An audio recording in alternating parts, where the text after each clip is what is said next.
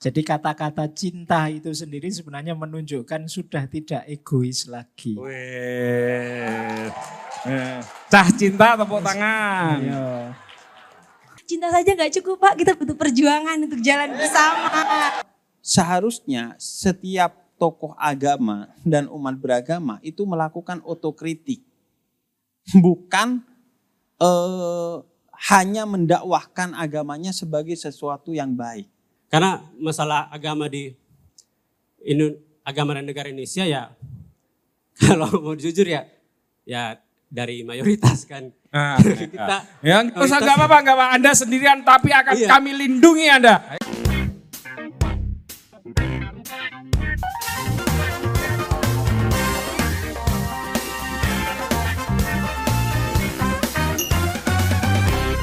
Sesi tanya jawab peserta, tiga pertanyaan. Se, tiga pertanyaan atau tiga orang?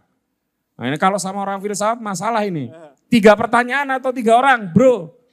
Tiga orang masing-masing satu pertanyaan. Tiga orang masing-masing satu pertanyaan. Nah, ini karo wong filsafat angel iku. Lho wis ngacung kabeh iki. Saran Yang saya, belakang sana ya. Saya Mas Anda Mas. Nggih, nggih. Wah, saran saya ada yang perempuan dan non muslim juga, Oh. biar lebih berimbang. Iya, yang perempuan dan non muslim tolong mau kalau mau tanya diprioritaskan. Ada? Ada nggak yang non muslim? Ada yang non Ya muslim, Allah semene iki muslim kabeh. Islam semua ini. Islam anda kenapa semua? ngacung? Anda kan berkerudung. Ap- Non muslim. Apa gunanya kami ini di sini kalau tidak bisa mengabarkan Islam yang rahmatan lil alamin? Eh. Mantan demonstran nih, Bib, kene, Bib. Enggak yang non muslim, mohon maaf ada. Oh ya, mau bertanya Mas? Atau enggak? Udah non muslim enggak mau tanya?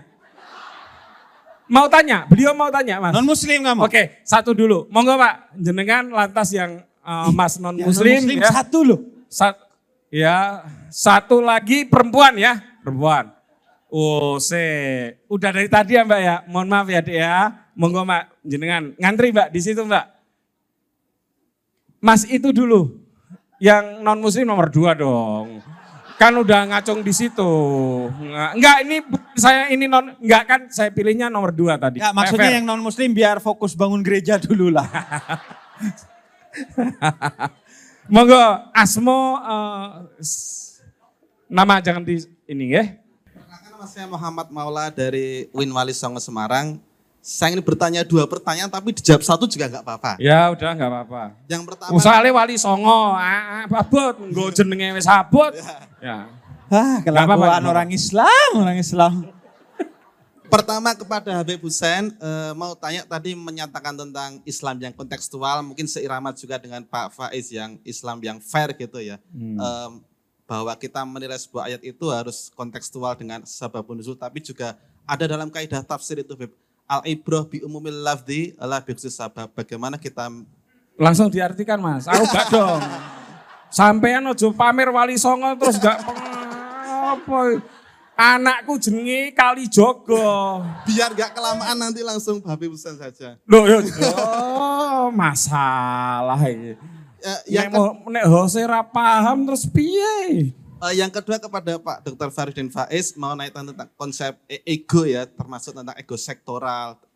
Lalu apakah konsep nasionalisme cinta bangsa negara itu juga termasuk kepada ego sektoral juga? Mungkin sekian, terima kasih. Ustaz. Sebentar ya, ini enaknya satu pertanyaan langsung dijawab aja ya daripada beruntun ya. Ya coba diulang tadi Mas yang ngomong bahasa Arabnya apa? Coba saya tes. Apa, Beb? Ya, al isl apa al ayah al ibro takon. umumil lafat. Jadi eh, ibro itu pelajaran itu Oh. dari umumnya lafat, bukan karena khususnya sebab. Tapi bagaimanapun eh, asbabun nuzul. Ini Anda jelasin saya atau jelasin Masnya? Dia. Oh, oke oke oke. Ya, Anda silakan. bagi saya tidak penting. kan host dia. Ya ya ya. Silakan. Jadi, jadi eh, sebenarnya akhirnya bisa panjang ya ke mana-mana. Asbabun nuzul itu sebagai satu perangkat untuk memahami ayat itu tidak dinafikan oleh para mufassir. Bahkan kalau kita baca tafsir-tafsir kontemporer, itu banyak teori-teori dalam hermeneutika yang justru semakin menguatkan eh, asbabun nuzul. Misalnya kalau Anda baca Fadlur Rahman, itu ada apa eh, gerak dua kali saya saya lupa istilahnya. Double movement. Oh, Nah, double movement. sebetulnya orang ini Lebih ini lebih, dari lebih saya. pinter, iya. Iya. Cuman ngetes aja Ngetes aja. sebetulnya, iya, iya. Jadi ada double movement bahwa kontekstual itu bukan hanya dalam memahami ayat tapi juga dalam menerapkan ayatnya. Oke. Karena ayat itu ditengahi oleh dua konteks. Konteks turunnya ayat dan konteks untuk diajarkan kepada orang yang eh, akan menerima Al-Qur'an itu. Bahwa kemudian ada beberapa ayat dan mayoritas itu berpihak kepada umumnya eh, ibroh pelajaran tidak kepada khususnya sebab, iya, tapi bahwa sebab itu sebagai pertimbangan untuk lebih memahami eh, ayat yang ada itu tidak dinafikan. Jadi bukan berarti kita lebih berpihak kepada sebabnya ketimbang ayatnya. Jadi eh, konteks eh, teori itu untuk menekankan jangan kamu fokus kepada sebab turunnya ayatnya, tapi fokus kepada ayatnya. Tapi tetap sebab turunnya ayat itu penting untuk dikaitkan dalam tafsir untuk memahami justru ayatnya ini bicara apa. Jadi itu bagian dari untuk memahami ayat itu turunnya di mana dan untuk siapa. Sehingga kemudian kita semakin utuh justru untuk mengambil eh, ibroh, mengambil pelajaran dalam penafsiran terhadap ayat-ayat Al-Quran. Baik, kesimpulannya adalah ibroh itu pelajaran ya artinya teman-teman. Ya, silakan Pak Farudin. Eh, baik. Saya jawab singkat saja nih Mas. Lantanya apakah nasionalisme cinta tanah air itu termasuk ego sektoral? Jadi kata-kata cinta itu sendiri sebenarnya menunjukkan sudah tidak egois lagi. Wih. Eh, Cah cinta tepuk tangan. Iya. Kalau kalau masih egois mesti belum cinta. Kalau sudah cinta pasti tidak egois lagi. Sa- sampun pernah nate jatuh cinta, Pak? Udah kan? Alhamdulillah. Ye, jadi orang mencintai itu dia ingin memberi, ingin membahagiakan, ingin berkontribusi. Maka orang yang cinta tanah airnya itu yang ada di pikirannya apa yang bisa dia berikan untuk tanah airnya. Ya. Saya kira itu. Saya tahu Anda tidak puas karena memang tidak perlu puas untuk mendapatkan jawaban. Ya, itu. Hanya orang UGM filsafat yang bisa ngomong kayak gini. Mas yang non muslim, ya, monggo. Ya, terima kasih. Disebut nama dan agamanya, Mas. Eh biasanya Ya. Anda Anda kan biasanya kalungnya salib ya. Ya, ya. Anda kenapa vape itu sal- kalungnya? Salibnya udah di hati. Eh, eh, eh, kok kok tak salibnya udah di hati loh. kok tahu Anda kalau beliau ini orang Nasrani? Biasanya. Loh, Kalau non-muslim itu ini begitu. memang beda, visionnya beda ya. Kalau, kalau Habib itu beda ya. Oh ini Buddhis. Oh ini gitu tahu ya. Iya, oh at- Oh. eh silakan Mas Yohanes. Eh bukan ya? Ya itu Yohanes juga bagus. Nama? Nama saya JR, J J E A R, Hi- JR, JR. Jal. Oh, oh dari? Dari eh, Center CRCS UGM. Oh, asalnya? Asalnya dari Nusa Tenggara Timur. Sorry, saya nggak dengar. NTT, NTT. NTT, oke. Timur, ya. Silakan. Ya, jadi em, terima kasih untuk kesempatannya. Eh, saya mau bertanya, saya kira ini karena forum, eh, ya saya JR dari eh, Gajah Mada dari CRCS. Em, kalau saya sebagai forum akademis, saya pikir boleh saya juga mengkritik mungkin pemaparan tadi. Saya latar Kritik aja mas. Oh, nggak apa-apa. Ya jadi em, eh, saya kami eh, studi saya di bidang agama juga eh, cross religion. Jadi kalau saya mau ringkas mungkin presentasinya tadi eh, mungkin melihat agama secara ideal, secara esensial. Tapi kan dalam studi agama yang paling baru kalau saya tidak salah baca itu kan melihat agama secara konstruktif ya. Jadi agama tuh misalnya tadi dikatakan oh ini agama, ini negara. Nah, kalau di studi-studi para Indonesianis, kalau mau disejajarkan itu ahlinya sangat banyak, sampai yang paling baru itu bisa banyak sekali. Tapi yang menarik mereka selalu bilang bahwa Indonesia itu theistic secular state. Jadi ya kita beragama, bernegara tapi tidak juga. Nah itu konstruktif. Jadi saya pikir kalau dipisah-pisah, oh ini Islam, ini politik itu sudah tidak relevan. Sehingga kalau mau, saya sebutnya tadi pembicaranya itu normatif. Bahwa ya saya juga S1, S2, jadi agama Kristen, jadi saya juga sedikit banyak belajar itu, menafsir sebagainya. Itu kan normatifnya begitu, tapi realitanya kan berbeda. Jadi um, pertanyaan saya biar tidak panjang um, bagaimana kita melihat agama dan secara lebih uh, konstruktif. Maksudnya kalau saya setuju dengan um, pendapat tadi Bapak. Oh jelas putut. Nah, jelas. Putus ya. Moderator tadi uh, sebetulnya kalau saya melihat ini sebagai kritik. Jadi lebih baik kita bicara kemiskinan, bicara um, kalau bicara baik semua agama memang baik. Tapi kan kenapa pluralisme tetap ada? Karena itu belum terrealisasi. Bagi saya masalahnya tadi, konstruktifnya itu bagaimana?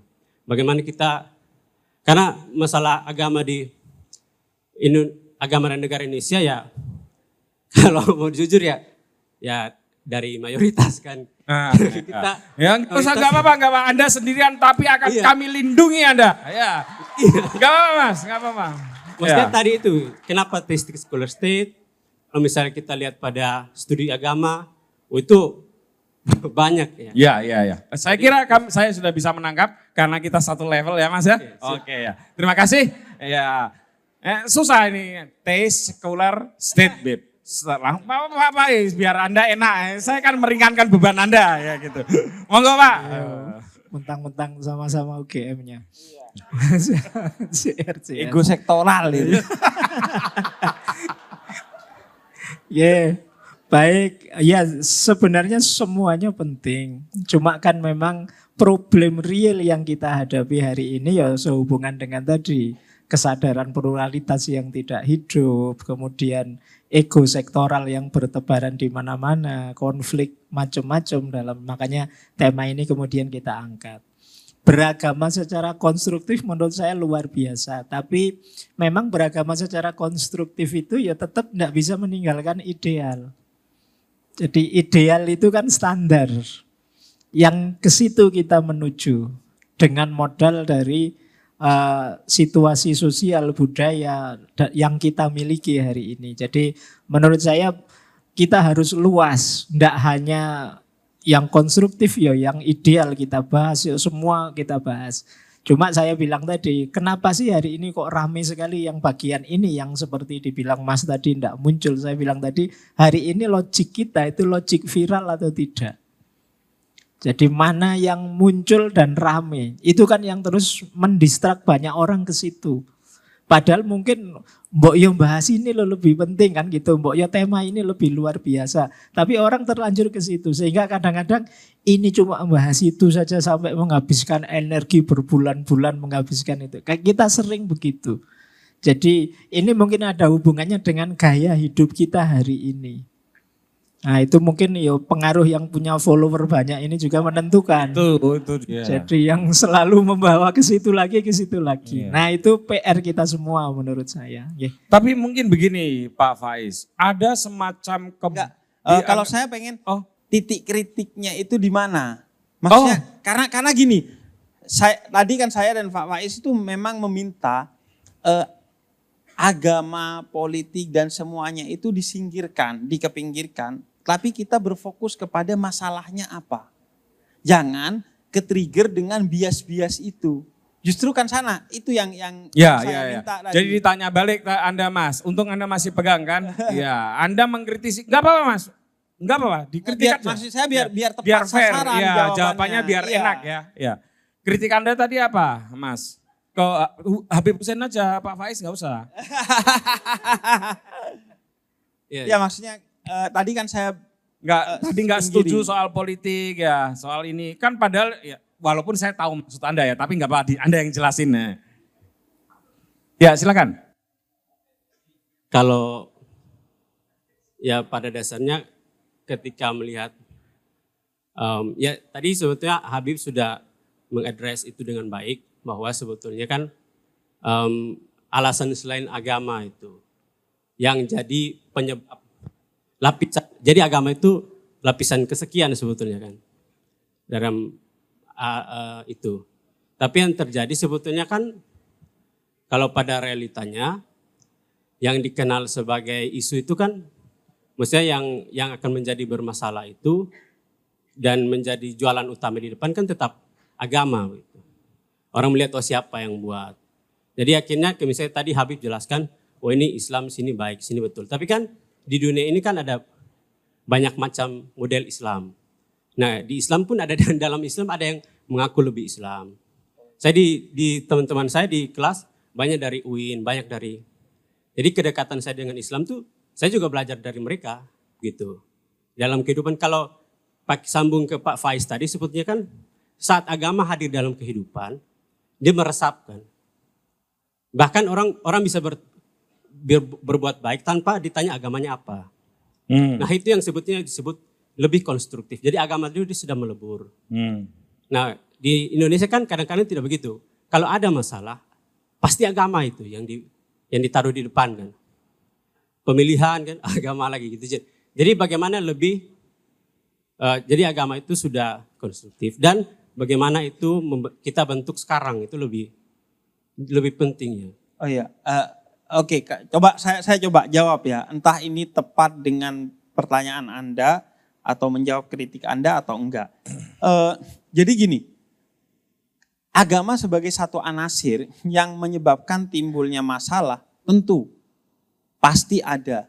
Tapi kan justru karena anasir masalah itu muncul dari pemahaman agama yang salah, maka kita harus tarik agama itu kepada nilai-nilai idealnya agar pemahaman orang tentang agama itu menjadi sesuai dengan yang dikehendaki agama kepada umatnya itu kan yang yang yang coba saya eh, address dari tadi bahwa idealnya begini, umatnya tentu bermasalah.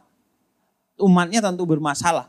E, jangkauan penjelasannya kurang luas, tentu sebagian. Tapi kalau Anda perhatikan, misalnya saya ya, saya itu bicara tentang kesehatan mental dalam perspektif agama, bicara ekologi dalam perspektif agama, saya bicara tentang banyak hal.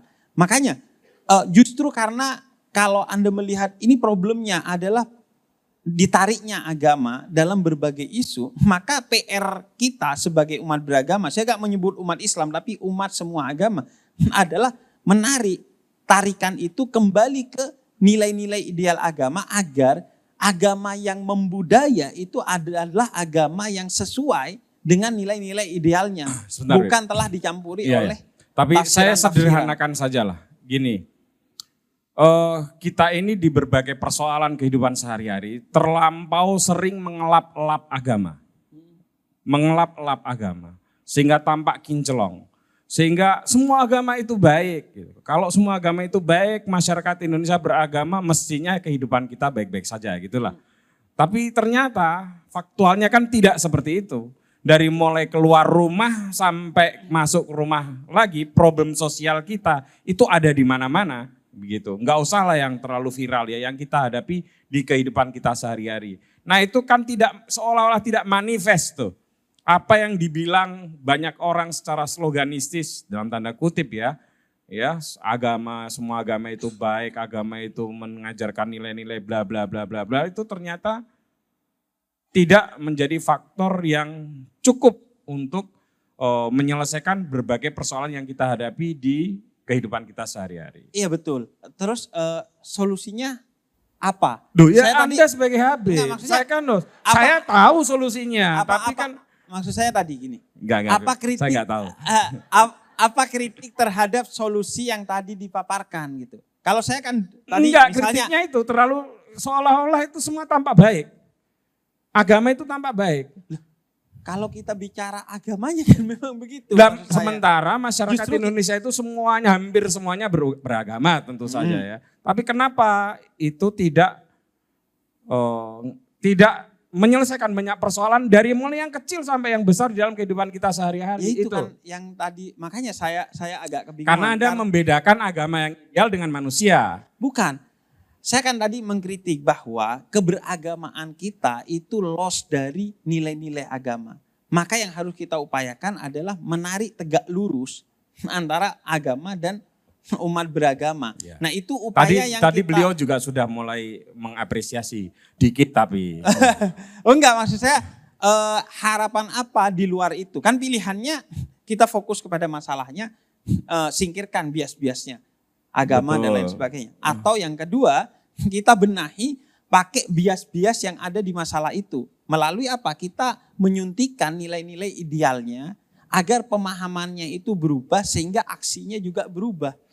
Nah di luar itu eh, saya nggak ya kalau anda nggak tahu. kalau anda gitu.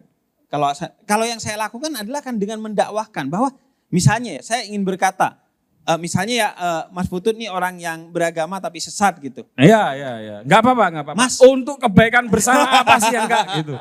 Mas, agama itu gak gitu. Oke. Tapi begini, begini, begini. Dan itu dilakukan dengan berbagai upaya.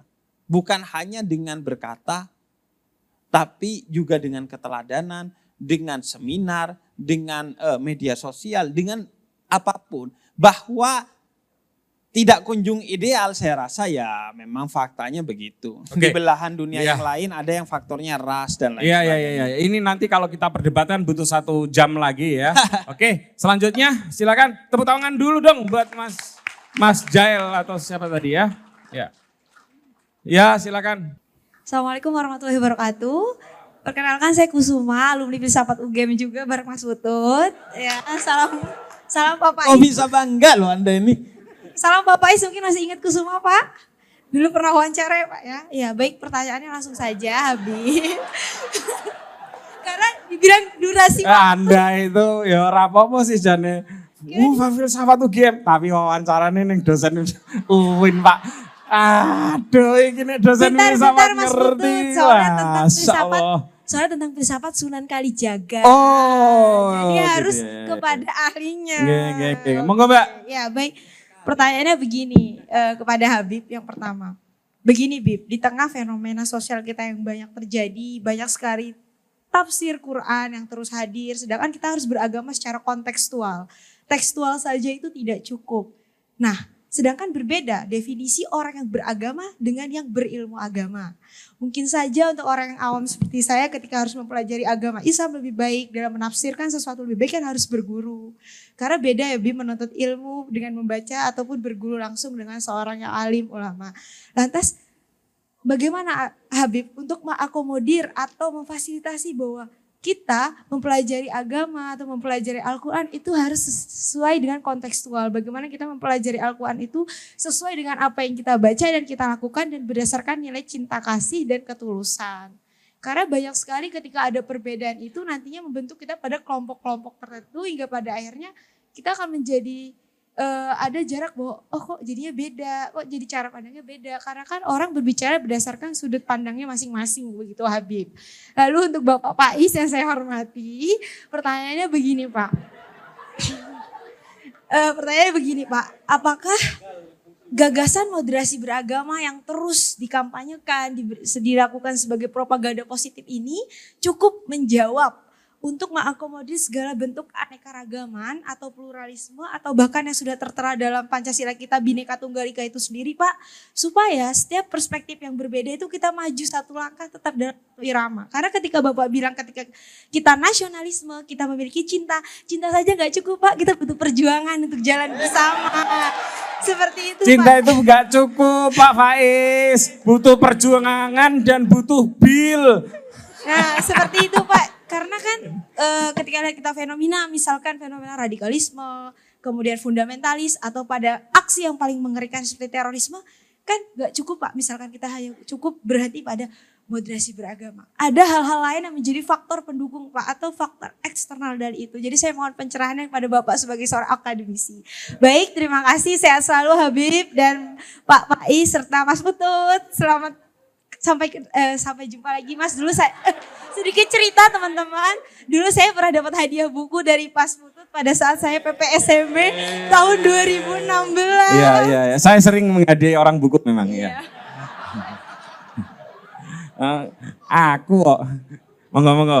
Eh, Sederhananya pertanyaan ke Pak Faiz itu maksudnya gini mungkin ya menurut saya. Hidup itu tidak seenak omongannya Pak Farudin Faiz. Ini udah di udah disopan-sopankan ini mesti. Ngomongnya sambil ngempet itu kan. sudah, ini ini karena sudah terakhir di sesi akhir, eh, saya minta Anda dulu yang menjawab, baru Pak Marudin Faiz supaya enak tensinya turunnya adem. ya.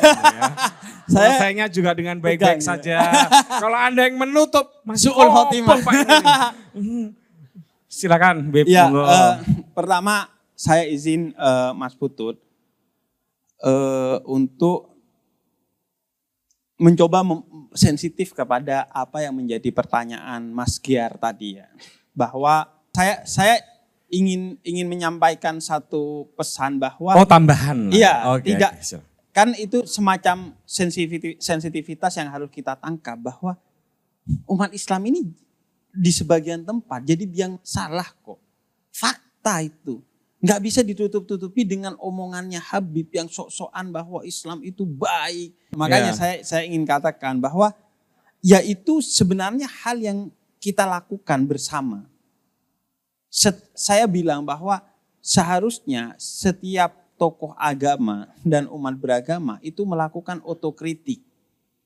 Bukan eh, hanya mendakwahkan agamanya sebagai sesuatu yang baik. Karena kalau otokritik itu dilakukan oleh non-muslim akan terasa sebagai kebencian. Tapi kalau tokoh agamanya yang bicara itu akan terasa sebagai pendidikan. Dan kalau boleh saya sampaikan, ya mungkin Mas Giar nggak nggak nggak baca gitu. Saya itu sampai dimusuhin sama Enggak, umat enggak. Islam Dia karena tidak menye- tidak menyalahkan Anda loh, Beb. Jangan, oh enggak bukan jangan bukan terlalu overthinking. bukan lah. enggak maksudnya saya mencoba menangkap sensitivitas itu Mas Putur karena Iya, bagi iya, saya iya. bagi saya ini penting. Penting, Mungkin betul. umat non muslim itu sekarang sedang jengah ya. Bukan hanya kepada- umat non muslim, umat muslim pun sebagian besar juga jengah. Maksudnya Anda sendiri. Termasuk Anda kurang Islam apa Ya, gimana? enggak ya, gitulah. jadi jadi itu maksud saya saya ingin menyampaikan bahwa enggak kok eh, banyak kok orang-orang yang merasakan apa yang Anda rasakan dan sedang Betul. melakukan sesuatu untuk Mencoba itu. untuk men- Iya. ya. Cuman kemudian tinggal bagaimana polanya, apakah terang benderang atau sembunyi-sembunyi dan lain sebagainya itu itu soal-soal eh, setiap orang punya caranya masing-masing. Kalau ada Soekarno bilang, beri saya 10 orang seperti Habib Hussein, maka saya bikin damai Indonesia gitu. Enggak, enggak. Tepuk tangan dong dulu. Jawaban yang untuk Mbak Yang- Kusuma. yang- yang Jangan lupa, itu juga susah loh. Iya. UGM. UGM.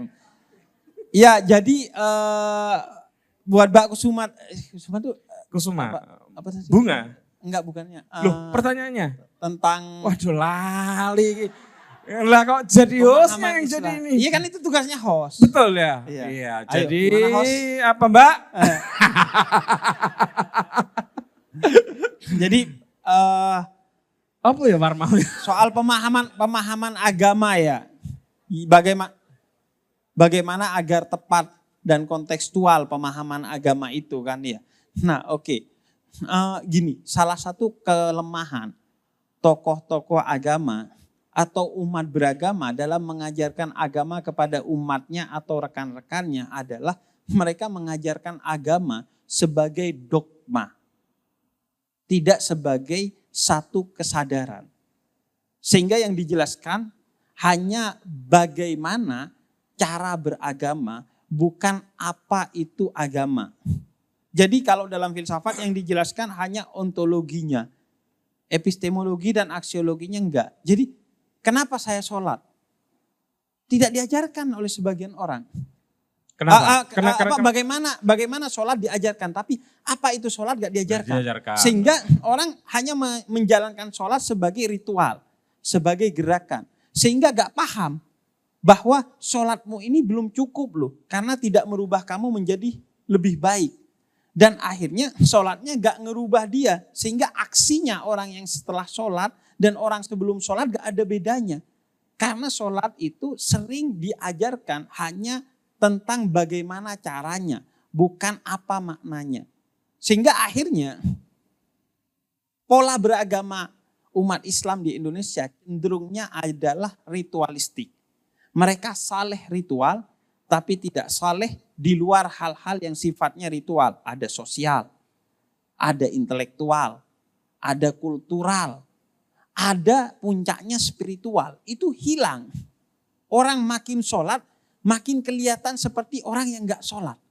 Makin sholat, makin naik egonya. Makin menyalah-nyalahkan orang lain. Makin melakukan kerusakan di atas bumi. Nah kenapa? Karena dari awal hanya diajari. Anda coba ingat-ingat. Apa itu sholat? Suatu gerakan yang diawali dengan takbiratul ihlam dan diakhiri dengan salam. Itu jawaban tentang pertanyaan apa itu sholat.